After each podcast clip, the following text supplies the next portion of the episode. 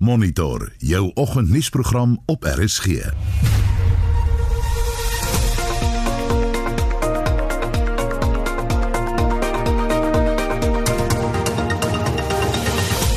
volgens se programme aandklokreël word heringestel.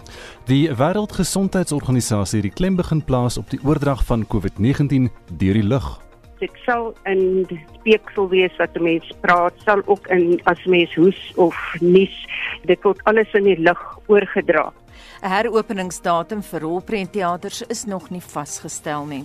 Daar's tans onsekerheid in die industrie oor wat beteken hierdie regulasie? Beteken dit 50 mense per teater, so auditorium in 'n kompleks of is dit 50 mense of minder vir hele kompleks? En Suid-Afrikaners word gevra om 'n kultuur van spaar aan te leer. Goeiemôre, ek is Gustaf Greiling. En ek is Anita Visser. Welkom by Monitor.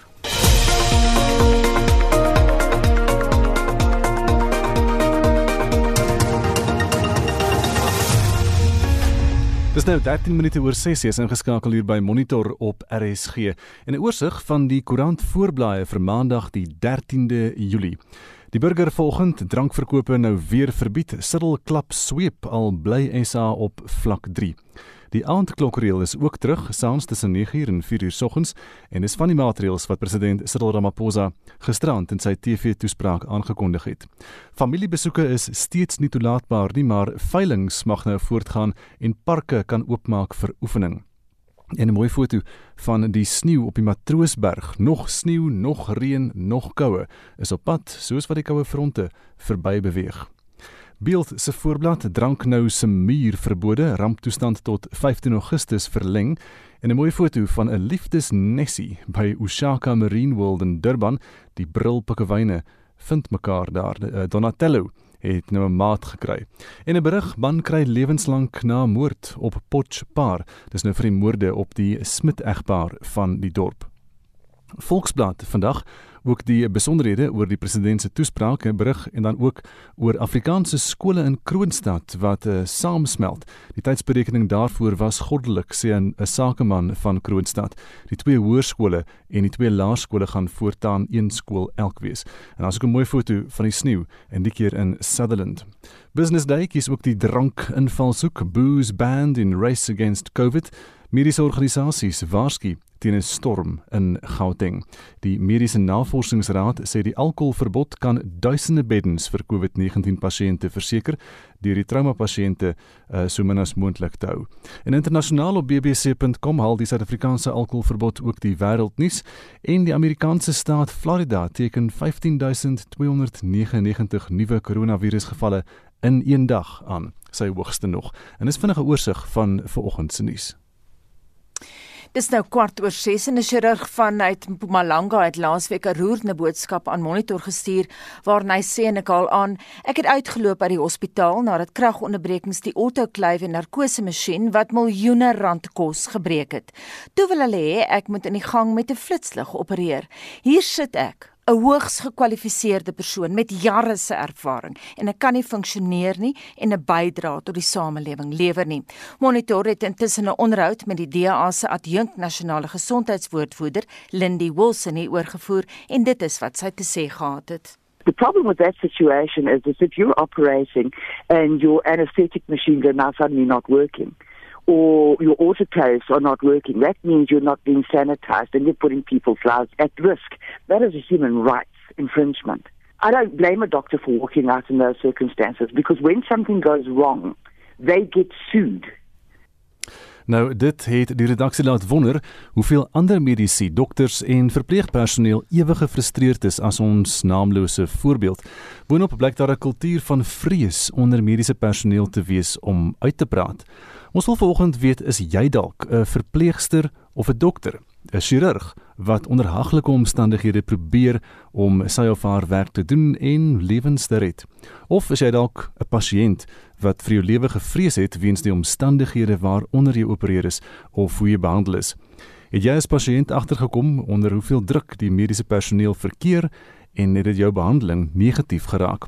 Stuur vir ons 'n SMS en deel jou ervaring. Stuur die SMS na 45889. Dit kos R1.50.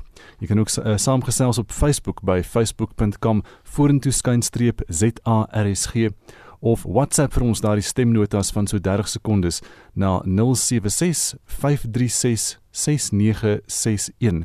Dit is 076 536 6961. Julie maand is spaarmaand. Baie Suid-Afrikaners leen egter groot somme geld en koop op skuld, terwyl die meerderheid 'n roekelose lewe lei met rampspoedige gevolge vir hulle gesinne se maatskaplike welsyn. Mitsi van der Merwe het meer besonderhede. Matthys Potgieter is 'n kredietlewensverskaffer wat ook skuldberading doen by Credit Card. Potgieter glo dat 'n kultuur om te spaar baie noodsaaklik is. Dit, benadruk hy, moet reeds van jongs af by kinders gekweek word. As ons kyk na die statistiek in Suid-Afrika, kan ons sien dat die Suid-Afrikaanse verbruiker het nie 'n spaarkultuur nie. As ons kyk na die nasionale kredietreguleerder se statistiek, dan wys dit dat die Suid-Afrikaanse verbruiker is eintlik oorbelas, wat beteken dat ons het nie 'n spaarkultuur nie. Beteken dit ons lewe bo ons vermoë? Ek kan sê omdat ons 'n aanname kan maak dat ons sê die Suid-Afrikaanse verbruiker lewe bo hulle vermoë, veral as ons kyk na 'n skuldberadingsperspektief oor die hoeveelheid mense wat onder skuldberading gaan en in finansiële verknorsings is.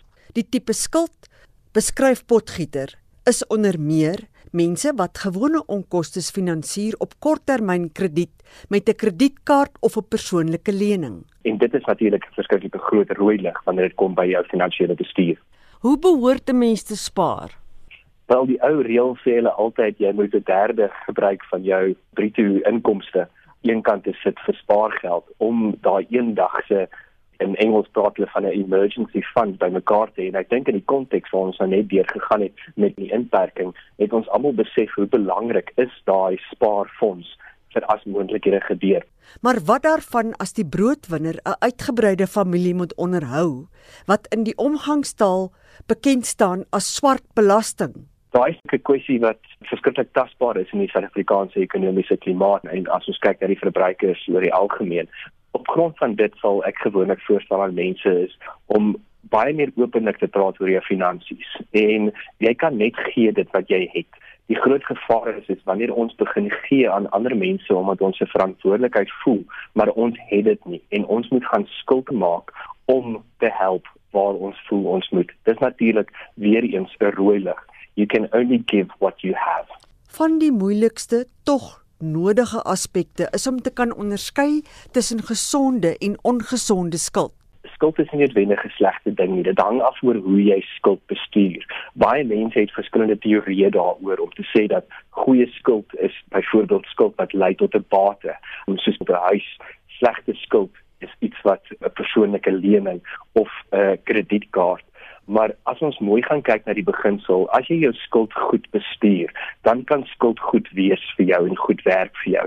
Maar ewen as ons praat van 'n huis wat goeie skuld is, as jy agterstallig raak en jy kan nie daai maandelikse paaiement betaal nie, raak dit dan ook slegte skuld. Matthys Potgieter sê sy maatstaf wanneer hy gesonde en swak skuld onderskei, is hoe goed die skuld bestuur word. Tog wonder mense hoekom die meeste Suid-Afrikaners nie 'n kultuur van spaarsaamheid van hulle inkomste het nie. Lewenskoste is ongelooflik duur as ons kyk na Suid-Afrikaners, ons kyk na brandstof, ons kyk na voedselkoste, ons kyk na behuising, voertuie, enige koste dan praat ons nie eers van inflasie en wetbetalings nie. Dit is baie duur om te lewe in Suid-Afrika.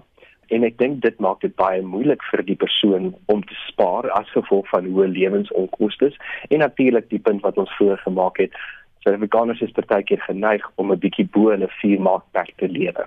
Sou die afleiding dan gemaak kan word dat net rykes kan spaar? Nee, mens kan enige dag begin spaar. Mense dink ook partykeer altyd 'n mens moet spaar wanneer jy jonk is. Daar is geen ouderdom op spaar nie. Daar is geen bedrag op spaar nie.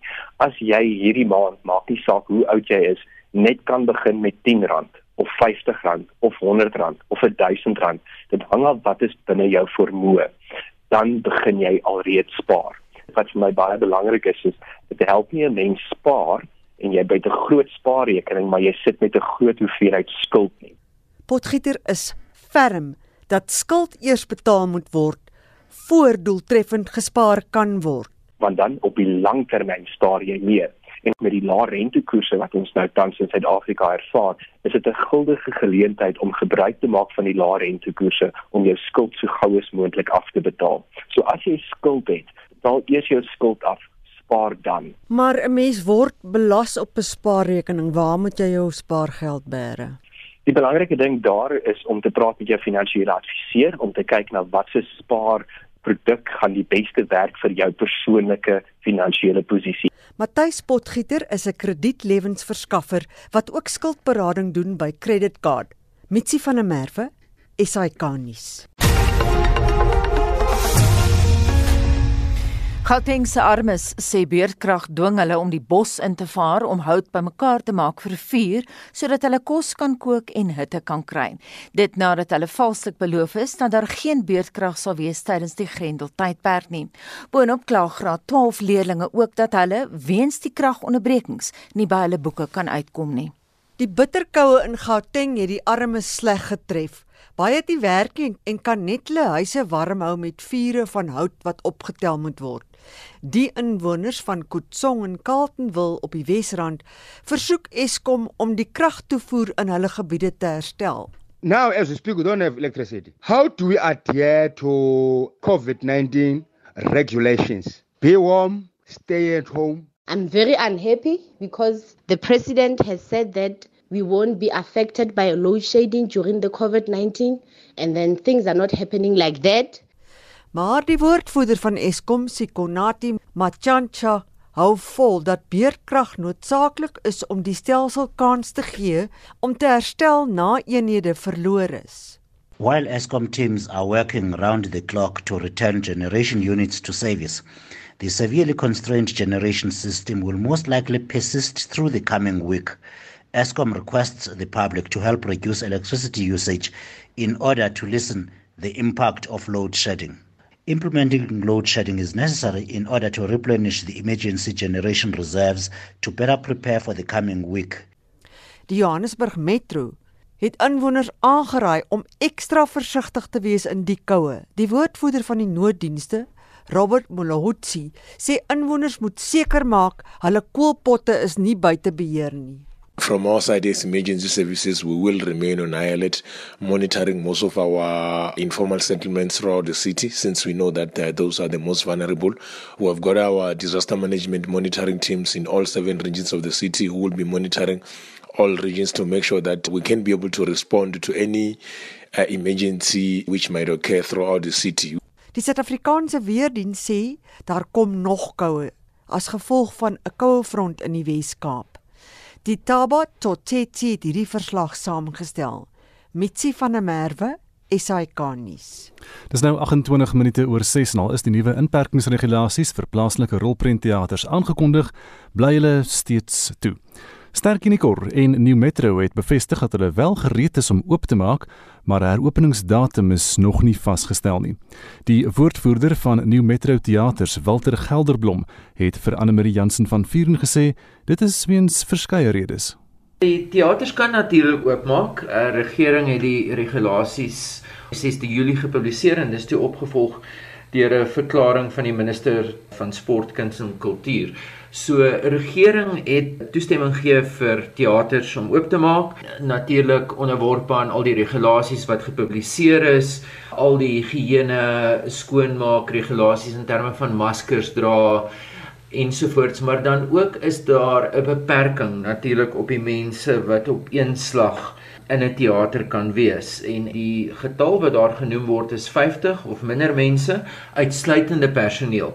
En daar's tans onsekerheid in die industrie oor wat beteken hierdie regulasie? Beteken dit 50 mense per teater, so auditorium in 'n kompleks of is dit 50 mense of minder vir julle kompleks want soos almal weet in party teaterkomplekse is daar 5 of meer teaters. En dan het mense nog ook die voorportaal area, mense wat kaartjies koop en wag en springmielies en koeldrank koop. So daar staan so onsekerheid daaroor. Maar die rede waarom teaters nog nie oopgemaak het nie en dis alle fliekteaters, dis nie net nou Metro nie, is ook dat daar 'n stanse proses aan die gang in die industrie wat New Metro en ander rolspelers in die industrie beperk en ook al die filmverspreiders en studio verteenwoordigers wat daar gekoördineerde opening beplan word.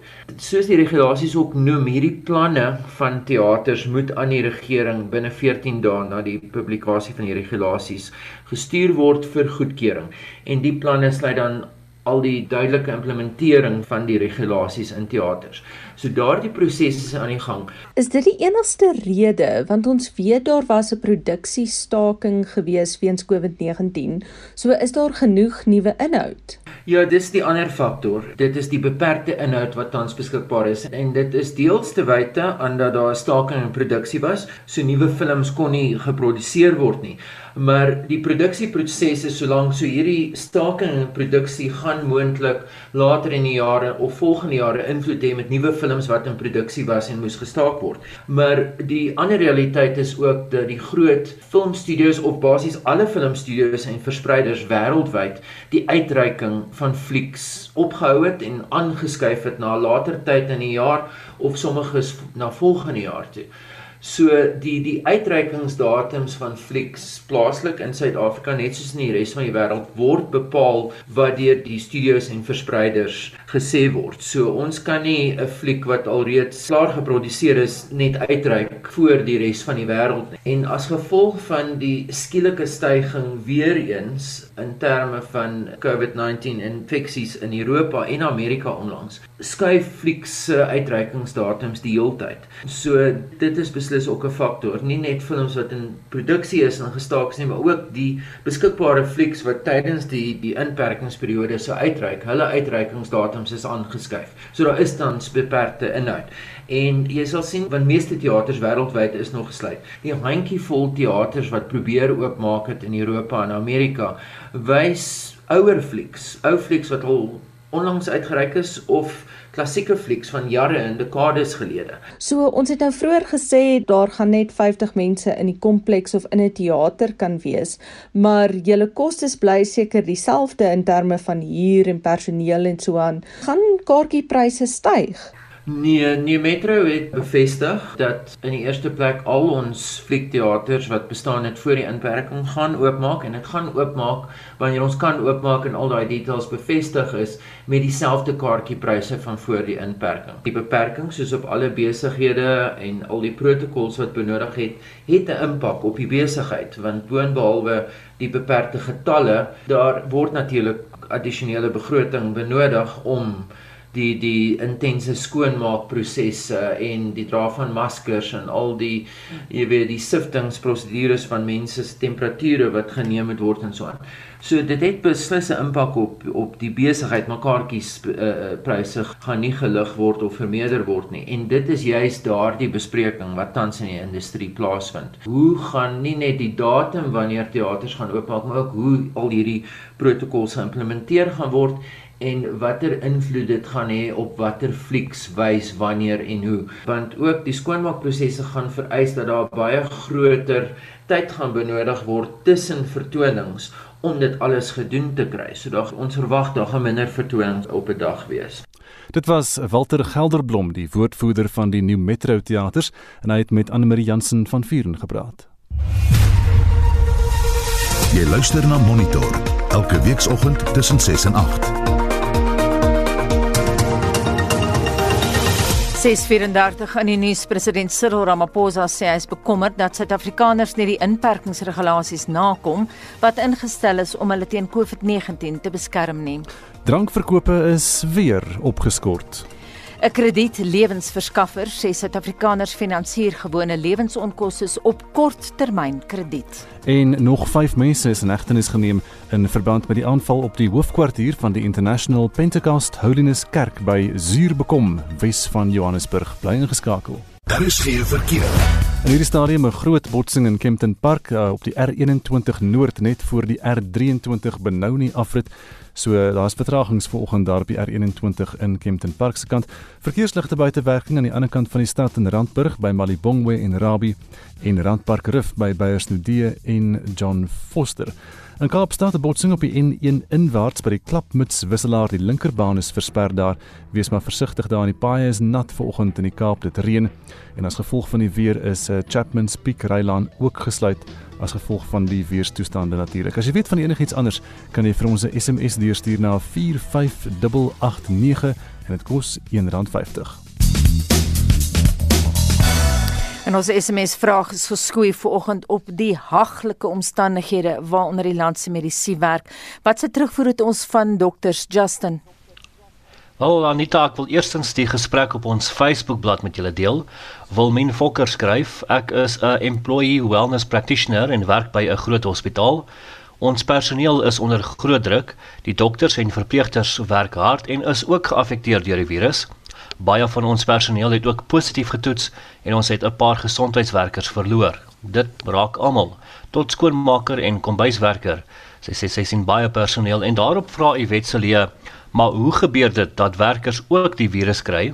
Uh, dra hulle nie maskers en was nie hulle hande nie of is dit airborne soos hulle nou sê? En as hy sê ek vra net omdat ek nie al die goed verstaan nie. En wil mense antwoord daarop is hulle dra PPE Soms kan jy per ongeluk jou oë vryf, dan kom die virus in jou oë. Hulle sien so baie pasiënte, as jy werk toe gaan, weet jy nie of jy volgende gaan wees wat die virus gaan optel nie. En dan uh, op ons SMS lyn skryf Glinus, ek is 'n toraxchirurg en kon nooit die situasie van die mediese toestand in ons land antisipeer nie. Ek en my kollegas het 'n aanbieding vanuit Toronto gekry en is besig om ons hele praktyk middel 2021 soontoe te skuif. Ek is bitter jammer oor die huidige situasie in hierdie land. Die mediese toestande in die land is onhoudbaar. So skryf Glennis op ons SMS-lyn en jy kan ook saamgesels op haar SMS-lyn stuur vir ons 'n boodskap en vertel ons, is jy dalk 'n verpleegster of 'n dokter? Of 'n chirurg wat onder haglike omstandighede probeer om jou werk te doen en lewens te red? Of is jy dalk 'n pasiënt wat vir jou lewe gevrees het weens die omstandighede waaronder jy opereer is en hoe jy behandel is? Uh, jy kan 'n SMS stuur na 45889. Onthou dit kos R1.50 of gaan na Facebook by facebook.com vorentoe skynstreep ZARSG en gesels saam daar. Dis nou so 22 minute voor 7 en ons gaan maak 'n draai op die sportveld met Shaun Jooste. Ons fokus vanoggend op van die naweek se uitslae. Op die cricketveld het die Wes-Indiese eilande die eerste toets in en teen Engeland met 4 paaltjies gewen en die voortou in die reeks van 3 toetse gewen. Die Windies moes net 200 vir die oorwinning aanteken. Shannon Gabriel was die speler van die wedstryd en het 9 paaltjies vir 137 lopies laat kantel en ook 61 in die eerste beurt met die kolf aangeteken. Rugby. Die naweek in Nieu-Seeland se Aotearoa het die Hurricanes die Islanders gister met 17-11 en die Crusaders die Blues Saterdag met 26-15 geklop. In Australië is 'n plaaslike Super Rugby toernooi het die Waratahs 23-14 teen die Western Force geseëvier en die Rebels en die Reds het na ekstra tyd steeds 18 elk gelyk op geëindig. Motorsport. Die Brit Lewis Hamilton in 'n Mercedes het eerste oor die wenstreep in gister se Formule 1 wedren in Oostenryk gejaag nadat hy ook in die eerste plek weggespring het. Sy span Matt Valtteri Bottas was tweede vir Mercedes se eerste 1-2 in Oostenryk sedert 2015. Red Bull se Max Verstappen van Nederland was derde. Op die golfbaan het die plaaslike Colin Morikawa die titel by die Workday Charity Ope ingepalm nadat hy 'n valbuilstryd teen sy landskoene Justin Thomas oorleef het. Beide spelers het op 19 onder geëindig. MJ Duffy het die beste onder die Suid-Afrikaners gevaar en was gesamentlik 22ste op 8 onder. Die skot Mark Warren het die trofee by die Oostenryk Ope gelig en op 13 onder geëindig. Van die naweek se tellings op die sokkerveld was in die Engelse Premier Liga Bournemouth 4 Leicester City 1 Tottenham Hotspur 2 Arsenal 1 en Wolves 3 Everton 0. Brighton and Hove Albion is 5-0 deur Manchester City verslaan en Sheffield United het Chelsea met 3-0 afgeronsel. In die Spaanse La Liga, Sevilla 2 Mallorca 0 Atletico Madrid 1 Real Betis 0 en Valladolid 0 Barcelona 1. En in die Serie A in Italië Napoli 2 AC Milan 2 en Juventus 2 Atalanta 2 laastens in tennisnuus. Die Italianer Matteo Berrettini is gisterand as kampioen van die Ultimate Tennis Showdown reeks in Frankryk gekroon nadat hy in die eindstryd met 3-2 met die Griek Stefanos Tsitsipas afgereken het. Tsitsipas het David Goffin van België en Berrettini het die Fransman Richard Gasquet die halfeindstryde uitoorlê. Shaun Schuster, SAK Sport. President Cyril Ramaphosa het aangekondig dat die verkoop van drank met onmiddellike ingang opgeskort is. 'n Aandklokreël van 9uur saans tot 4uur soggens sal van vanaand af geld. Justin Kennerly berig oor die jongste inperkings. President Ramaphosa het aangekondig dat die dra van gesigmaskers in die openbaar wetlik verpligtend sal wees. 'n Nasionale aandklokreël is ook ingestel. A curfew will be put in place between the hours of 9 p.m. and 4 a.m. Apart from people who need to travel to and from work or who need to seek urgent medical or other assistance during this time, everyone will be required to remain at home. Sosiale besoeke aan familielede is steeds verban en die verbod op die verkoop van alkohol is weer ingestel.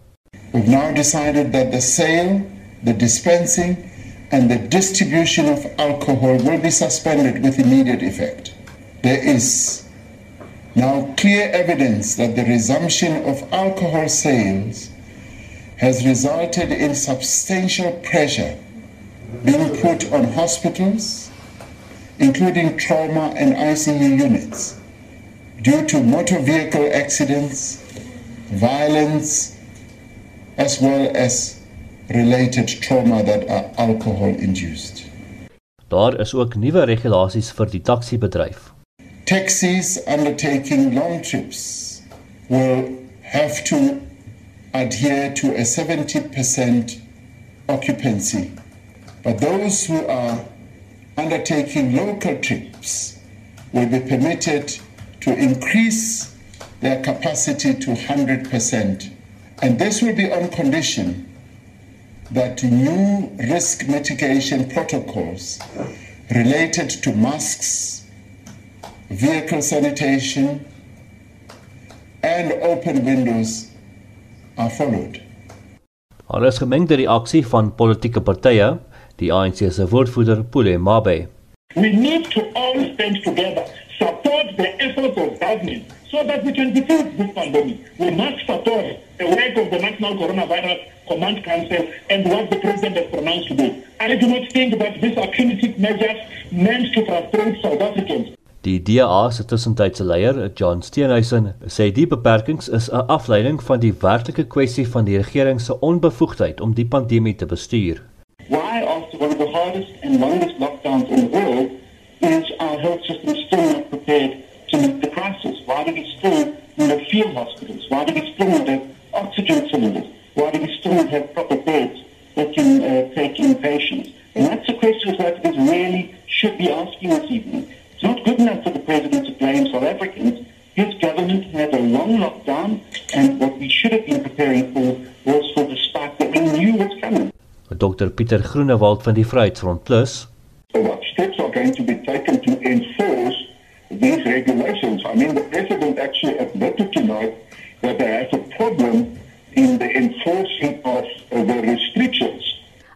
IFP se woordvoerder, Mkhuleko Ngwengwa, sê daar moet verdere gesprekke tussen die regering en die taxi-bedryf plaasvind oor die nuwe regulasies.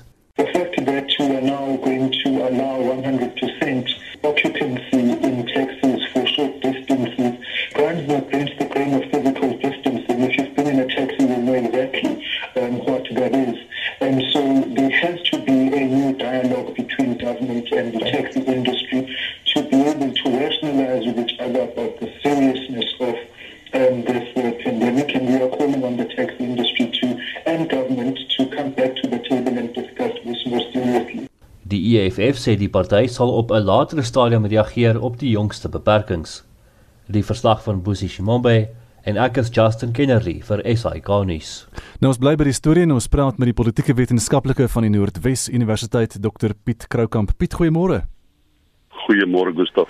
Het jy die aankondiging verwag dat die vlak van die inperking nie verander sal word nie, maar nou met strenger beperkings?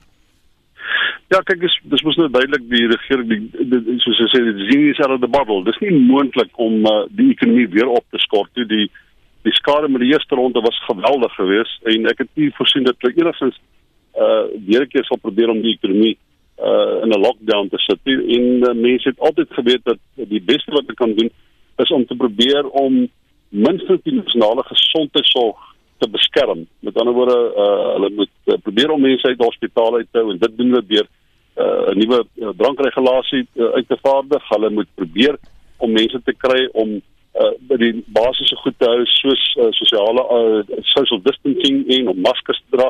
En ek dis die, die, die president het eintlik die absoluut minimum gedoen wat hy kon doen, maar hy het net een of twee kokers uh, of een of twee pile in sy koker gehad en hy daai twee het hy gespeel. Daar was eintlik niks anders wat hy kon doen.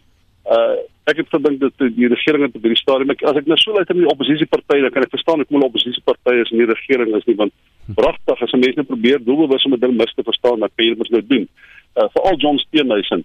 Daar is niks anders wat die president kan doen. Hy kan net probeer om die gesondheidsstelsel te beskerm. Dis al wat hy nou kan doen. Die ding is by te beheer, dat die, die virus is by te beheer. Sy uh, wetenskaplike raadgewers het van gesê dit help nie vir die land weer in lockdown nie. Die virus is by te beheer. Al wat ons nou kan doen is ons kan probeer om die infrastruktuur waarmee ons die proses probeer bestuur om daai infrastruktuur te beskerm. Piet kan ons 'n verdere verlenging na 15 Augustus verwag. Ja, hierdie ding gaan kyk ek is nie epidemioloog nie. Maar uh, as ek nou luister in die ouens wat weet oor hierdie ding, hierdie hierdie ding gaan aangaan tot Desember. En onder elke provinsie gaan op 'n ander uh, tyd uh, is, is die piek bereik. Ons het nog 'n paar provinsies wat nog by hulle piek moet uitkom. Gauteng gaan waarskynlik kom ek gee vir julle 'n idee. Uh, die laaste week of so, vir die eerste keer was daar party daar in New York City waar daar nie noodwendig mense dood gegaan het nie. Dit is nou in Julie maand. Hulle drama het begin in Februarie. So jy kan veronderstel dat ons vir die volgende 5 maande as ons net hulle traject volg die volgende 5 maande, 4, 5 maande gaan ons met hulle probleme sit. En dit ons hier na November, Desember se kant toe. So uh ja, ons ons ons moeilikheid is nog vir baie lank en jy moet onthou ons is Gauteng nog se piek bereik en ander provinsies uh KwaZulu-Natal het nog 'n piek bereik, Oos-Kaap nog 'n piek bereik. Dit kan in volgende jaar aan begin in Januarie en Februarie maand toe gaan. Uh hierdie ding gaan baie lank met ons wees en ek uh, soos wat ek sê, jy moet leer om met die virus saam te leef want hy hy gaan nie weg gaan vou nie. As dit gaan oor die drankverbod, baie mense vra net daaroor vanoggend en dit is ingestel na versoeke van die premiers van die Oos-Kaap en Gauteng. Is dit wys om 'n drankverbod vir die hele land vir almal op dieselfde manier in te stel of sou mens kon op 'n ander manier dalk in restaurante nog drank verkoop? Want ek dink ek dink die vraag is eerder of jy bepaalde areas waar die sinema wat die provinsies wat naby hulle piek is of wat 'n 'n opwaartse traject is of jy dit daar kan op 'n manier uh, die drankverbod uh, uh, hef uh, in 'n poging om die om die hospitale te beskerm. Maar onthou net baie min hospitale nou nog op hierdie stadium is onder die tipe druk wat mense gesê dat uh, hulle hospitaalbeddens gaan vol wees. Is een of twee in Gauteng en 'n bepaalde deel in in die Weskaap. Maar onder dit gaan nou aangaan vir die volgende klompie maande. Meer en meer hospitale oor uh, sê net maar daar's nou 2 of 3% in hospitale wat wat wat onder druk is kan ons verwag dat sien maar oor 'n maand van nou gaan 10 en 15 wees en daarna gaan 30 en 40% van hospitale van onderdruk wees. Dit is baie moeilik om selektief te besluit ons gaan nou hierdie paar ons of uh, sien maar hierdie omgewing en hierdie waar die waar die waar die, waar die druk nou hoog is. Hier gaan ons nou die drankverbod hê en dan gaan ons ook daar hê en dan gaan ons daar hê. Dit maak eintlik maar sin dat dieselfde regulasie reg oor die hele land toegepas word. Dit is nie moontlik dink ek om regulasies toe te pas vir arme mense en vir ryk mense of verskillende regulasies en dan vir verskillende streke die ekonomie is te geïntegreer. Uh en ek ek ek vermoed dat die regering die enigste manier wat dit kan bestuur is wanneer almal oor dieselfde kam uh, skeer. Ons het nie die kapasiteit nie die polisie of die weermag uh uh die vermoë om selektief uh, die die die die die, regulasies te bestuur. Ons kan dit net bestuur as dit uniformig toegepas word Piet, jy praat nou van almal oor dieselfde kam skeer, maar taksies kan tot volle kapasiteit gelaai word. Hoe dan so?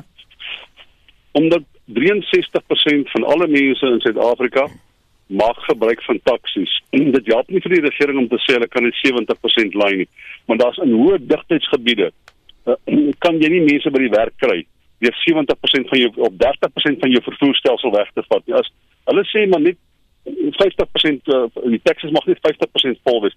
Beteken dit 50% van die kapasiteit van die van die van die openbare vervoerstelsel word onmiddellik weggevat. Ons het nie daai kapasiteit nie. Jy kan nie die ekonomie bestuur as die taxis loop teen 50 of 60 of 70%. Nie. Jy moet ongelukkig die taxis volmaak om die ekonomie te kan bestuur. Dis nie asof daar 'n ooraanbod taxis en te min passasiers is nie. Daai ding is baie mooi gekalibreer. As ons sê die taxis mag net 50% van die mense vervoer, dan beteken dit 50% van ons arbeidsmark gaan waarskynlik nie betyds by die werk kom nie of gaan uh, dit van die effek op die ekonomie omdat daardie mense uh, in 'n lang tyd voertuig beland eerder as wat hulle onmiddellik by die werk kom soos wat die stelsel normaal werk. Nou die uh, voorsitter van die solidariteitsbeweging Flip Buys het gereageer. Hy sê die beperkings is 'n desperate reaksie op die regering se onvermoë om vir COVID-19 voor te berei. Is dit heeltemal waar? Ja, ons het mos nou geweet ons het nie die vermoë om, om hierdie ding te bestuur nie. Geen land in die wêreld, die Jok sit hier die vermoë gehad, die Frankryk het nie die vermoë gehad, Italië het nie die vermoë gehad.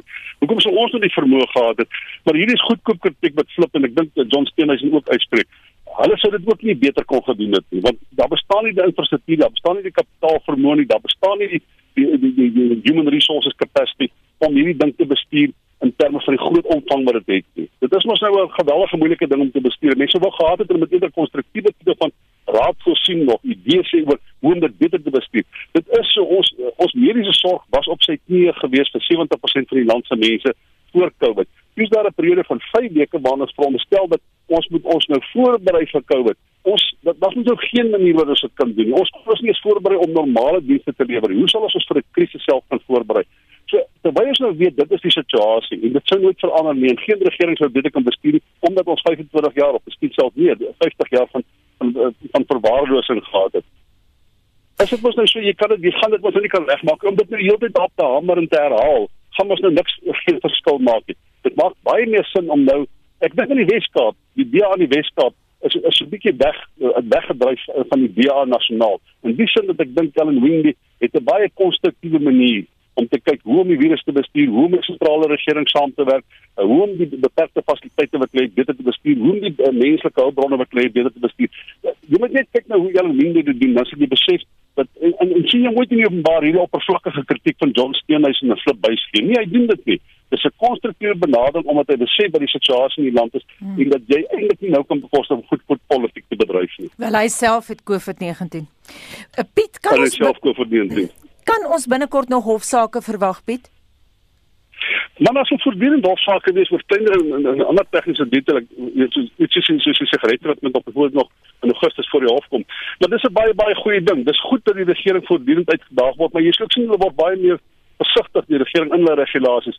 As hulle byvoorbeeld gisterand 'n onderskeid gemaak het, sê hulle maar ons het Gauteng toe gemaak of ons het die Weskaap toe gemaak, dan sou daar sou daar nou weer hofsaake gewees het in die Weskaap wat sê nee, hulle moet toe gemaak gewees het. So die regering en ek dink die laaste paar maande al probeer hulle so al een of twee dae, een of twee weke voor die hofsaak te bly. Dan word hulle verander die regulasies om te vermy om hof toe te gaan. Nou Piet, daar is toenemend mense op straat wat sê hulle is honger. Wat dink jy behoort te gebeur van regeringskant af om mense te voed of moet die regering eerder wegbly van daai proses af? Maar ek dink nie hulle wegbly nie, maar hulle het, hulle het nie vermoë om enigiets te doen werklik nie. So ek dink as mense moet nou 'n beroep doen op nie regeringsorganisasies, een van die goed wat ek absoluut verstommend vind, is hoe uh, hoe, hoe stil kerke byvoorbeeld is. As daar nou 'n tydperk is waarin 'n maatskaplike diens gelewer kan word met groot som sopkombuise by die honderde kerke wat nie dag staan, dan moes dit juis nou gewees het. En ek ek is verbaas dat nie regeringsorganisasies nie op 'n groot skaal toetree uh tot die verligting van hierdie ramp en armoede en en hongersnood. Die regering het nie die vermoë om om 'n pisap in 'n bar te organiseer nie. Hulle die waarskynlikheid is dat hulle kan voedsel voorsien aan die arme mense van Suid-Afrika is mos nou nul. Ek dink die die burgerlike samelewing, nie regeringsorganisasies, kerke ensovoorts moet 'n groter rol speel. Om 'n beroep op die staat te doen is is is is, is onbenullig. Hulle gaan dit nie doen, hulle kan dit nie doen. Hulle het nie vermoë om dit te doen as hulle doen is hulle korrup. Piet baie dankie Dr Piet Kroukamp is 'n politieke wetenskaplike van die Noordwes Universiteit 6 minute voor 7 in die Hagia Sophia gaan na hofsaak in Istanbul in Turkye weer 'n werkende moskee word. Dis in 1934 as 'n museum begin gebruik onder Mustafa Kemal Atatürk se moderne sekulêre Turkye. President Tayyip Erdogan het dit Vrydag weer as 'n moskee verklaar wat binne 2 weke in gebruik geneem sal word. Die verandering van die UNESCO Wêrelderfenisterrein van 'n museum in 'n moskee het veral vel kritiek van ortodokse Christene ontlok. Die politieke wetenskaplike van Unisa, professor Dirk Coetzee, sê dit is in lyn met die huidige leier se beleid. Dit is definitief 'n deel van die islamiseringsbeleid van sy kant. Ja, Hagia Sophia of Asia Sophia, as hulle dit noem, is een van die mees belangrike simbole van Istanbul. En Istanbul is natuurlik 'n simbool van die Ottomaanse Ryk. Die feit dat dit vanaf 1453 onder die Ottomaanse beheer is, dis hoogs simbolies van die Turkse beskouing. Die feit dat dit nou omgeskakel is van 'n museum oorspronklike kathedraal na 'n moskee toe, volg dus daardie logika Net langs die Hagia Sophia is natuurlik die blou moskee. Die twee vorm eintlik 'n kombinasie. Dit gaan steeds moontlik wees om dit te besoek. Dan in die vorm van 'n moskee, soos met die blou moskee, moet jy dan die jou skoene uittrek en jy moet dit respekteer as 'n moskee en nie meer as 'n sekulêre omgewing. Uit dit reg gekry met 'n hofsaak. Dit lyk in elk geval ook of die protes maar net uit die Christendom uitkom. Die paus vanuit die Rooms-Katolieke Kerk se oogpunt het protes aangeteken. Ander Christelike bewegings het dieselfde gedoen. UNESCO as die oorsighouer van alle wêrelderfenisgebiede doen dit ook wat hier ter sprake is vanuit die interne kritiek binne Turkye is dat ten spyte daarvan dat dit absoluut oorwegend 'n Islam land is, is daar Joodse en Christelike gemeenskappe ook en veral ortodoks Christelike en die resse het ook beswaar gemaak. So dit gaan oor die simboliek wat hier sprake is en die feit dat vir altydens die Ottomaanse periode was daar 'n beleid gevolg van dat daar moet ruimte wees vir die verskillende religieuse groeperings en dit wat president Erdogan nou doen is in 'n sekere sin teenstrydig daarmee. So dis waar die meer historiese simboliek bespreek is wat nou gesien word as om in 'n sekere sin die rol wat die Christelike gemeenskap in die Ottomaanse Ryk gespeel het om dit in 'n sekere sin te weerlê of nie erkenning aan te gee nie. Dit was vir jare 'n kerk, ek dink 900 jaar. Ja, dit was van 537 tot 1453, terwyl dit deel van die Byzantynse en die Romeinse ryk was, maar vir die laaste 500 jaar is dit nou deel van Turkye en van die Ottomaanse ryk en dis primêr dit onder moslimbeheer. Die geluk is dat 'n mens daar nog besoek kan aflê. Ja, nee, dit was glad nie gesluit nie. Enige moskee in Turkye is ook ek was al dikwels daar gewees. Ek was in die Blou Moskee gewees, ek was in die Hagia Sophia. Niks word jou verbied nie. Solank as wat jy die moslim tradisies eerbiedig en dit beteken dat jy moet jou skoene uittrek en nie loop op die tapijte van die moskee nie, dan kan jy dit doen. Dirk, hoe sterk is Erdogan se steun in Turkye? Sal hy polities nog lank oorleef? In die afgelope verkiesing wat 'n plaaslike verkiesing was, het sy party die meerderheidssteun verloor in Istanbul en die burgemeesterskap dus, al het ook dit verloor in Ankara en in Izmir, dis die drie grootste metropolitaanse gebiede. Maar in die plattelandse omgewing het sy party nog baie steun. Turkye word eintlik nou in 'n verdeel tussen die meer metropolitaanse gebiede en die plattelandse gebiede. En vir die voorsienbare toekoms gaan hy waarskynlik nog die steun kan hê. Hoewel in 2002 toe die AK-party aan bewind gekom het, was hulle die eerste party in 'n baie lang tyd wat hulle op hulle eie sonder 'n koalisie vennote in regering kon vorm, maar in die laaste tyd het hulle daai posisie verloor. Professor Dirk Coetzee is 'n politieke wetenskaplike van Unisa wat met Mitsi van der Merwe gepraat het. Justin Marizaan Estreys skryf ek is 'n teaterverpleegster in 'n hospitaal in die Noord-Kaap. Geen indiensopleiding word gegee nie. Elkeen volg maar sy eie kop en doen wat hy of sy goeddink. Ons uh, gaan gewoonweg voort met operasies. Pasiënte word nie getoets nie, net geskreen met opname en pasiënte word gesien as lae risiko gevalle. Alhoewel twee narkotiseers nou positief getoets het en een dokter net klaar net van erge moegheid, verder was sy asymptomaties. Kollegas se moraal is baie laag. Ons bid maar dat ons nie siek word nie en die virus oordra aan geliefdes nie, skryf Marizaan Estreys op Facebook. En uh, 'n naamlose luisteraar skryf op ons SMS-lyn: Ek is 'n ortopediese chirurg in privaat medisyne. Stikkende, nie funksionerende instrumente is 'n jarelange irritasie. Die ergste is dat pasiënte en of mediese fondse betaal vir die vermorsing van tyd en suboptimale uitkomste. Nou ja, jy kan uh, saamgesels as jy 'n dokter of 'n ver verpleegster is oor die omstandighede waaronder jy waaronder jy moet werk. Of as jy 'n pasiënt is, het jy al agtergekom onder hoeveel druk die mediese personeel is um, wat jou behandeling moontlik negatief kan raak? Dan stuur 'n SMS na 45889 en daardie SMS kos R1.50. Dis nou 7 uur. SAK nuus. Onafhanklik, onpartydig.